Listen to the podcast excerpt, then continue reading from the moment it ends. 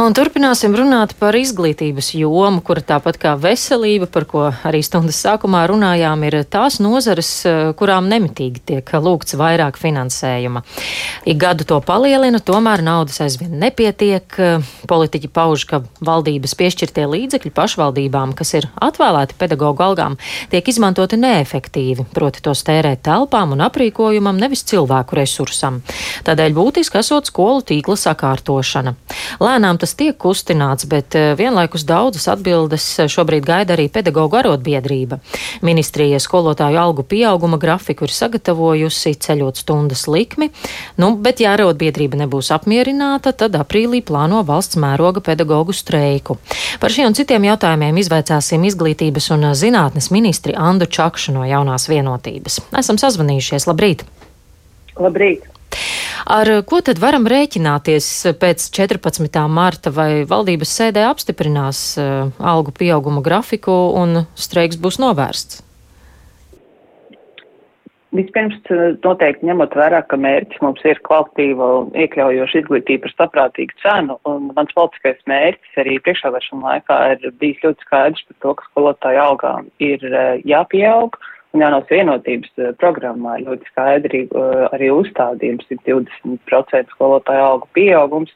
Eh, es esmu pārliecināta, ka mēs virzīsimies uz priekšu ar skolotāju algu grafiku.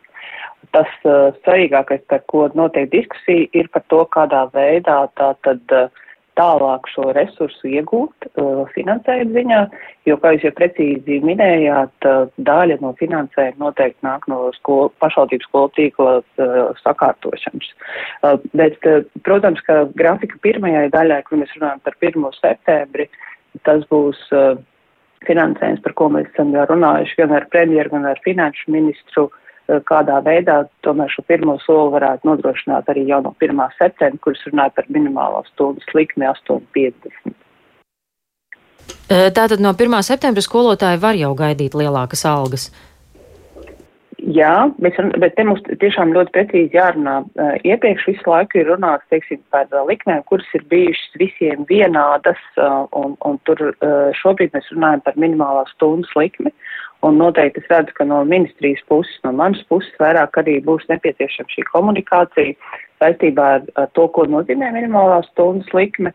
Uh, viens no tādiem lieliem izaicinājumiem darbiem ir salikt skolotāju kvalifikācijas uh, pret kopējo tirgu uh, kopumā, uh, lai samērotu tātad atalgojumus, uh, jo šī ir viena no profesijām, kas diemžēl ir izkritusi ārā no, š, no šāda uh, sa, sapunktošana vai, teiksim, novērtējuma, lai saprastu, cik lielais skolotāja algai būtībā, kā viņi iekļaujas tirgu, kurā vietā atrodas. Jūs minējāt, uh, nu, ka jūs virzaties uz priekšu, bet tomēr es gribēju skaidri saprast, uh, gan skolotājiem, gan bērniem un vecākiem ir svarīgi saprast, šobrīd kā izskatās, tad termiņa ietveros izdosies vienoties un streiks nebūs, vai tomēr vēl nevar apgalvot to?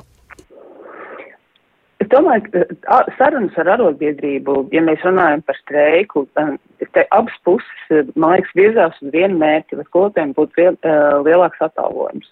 Un arī runājot par grafiku, nu, abās pusēs, tad to es domāju arotbiedrību un ministriju šajā gadījumā ir vienošanās par to, kādam jāiz, kā izskatās grafiks. Jautājums ir par tiem veidiem un, un instrumentiem, kā mēs līdz tam nonākam. Uh, te ne, mēs neesam pilnīgi uz vienas lapas. Es uh, nedomāju, ka šobrīd ir iemesls streikam, bet, protams, ka lēmumu attiecībā par streiku jau vienmēr pieņem gala rezultātu arotbiedrība. Nu, tā tad tādas skaidras, skaidras um, ziņas par šo vēl nevar sagaidīt. Nu, divas nedēļas vēl ir laiks. Bet um, gribējām arī saprast par tādu, mm, nu, varbūt neapmierinātību reģionālajā līmenī. Nu, nesen piketēja skolotāji jūrmalā, jo tur skolotājiem ir tās minimālās likmes. Nu, varbūt ir jādomā par šo te likmju arī nu, celšanu, lai tiešām arī izpildot prasības. Tāpat tās jā, ir ļoti zemes. Kā, kā, varbūt, kā jūs varat nomierināt šādus nu, jūrmālas skolotājus. It kā tā ir pašvaldības lieta, tomēr, nu, kā ministrijai tas varbūt ir arī jāpārauga. Man šajā gadījumā priecē, ka uh, skolotāji saprot, kurā, no kuras vietas uh, tas finansējums, kurā vietā viņš tiek sadalīts, un tā tiešām ir pašvaldība, jo uh, tas, ko dara ministrija, nosakot minimālās likmes, uh, tālāk šo naudu uh, nodod pašvaldībai. Pašvaldība jau uh, balstoties uz uh, savu skolu tīklu, uh, tālāk šo finansējumu izmanto. Uh, Tas, ko es arī pieteikumā precīzi minējāt, šobrīd salīdzinājumā ar citām valstīm, kur ir līdzīgs finansējums izglītībai, mēs kapitālā vai tātad ēkās izman, liekam daudz vairāk finansējumu, nevis domājam par cilvēkiem. Un tādēļ ar šo minimālo stundas likmi mēs gribam arī pagriezt to, ka tomēr vairāk tiek investēt cilvēkus, kas ir tā svarīgākā vērtība.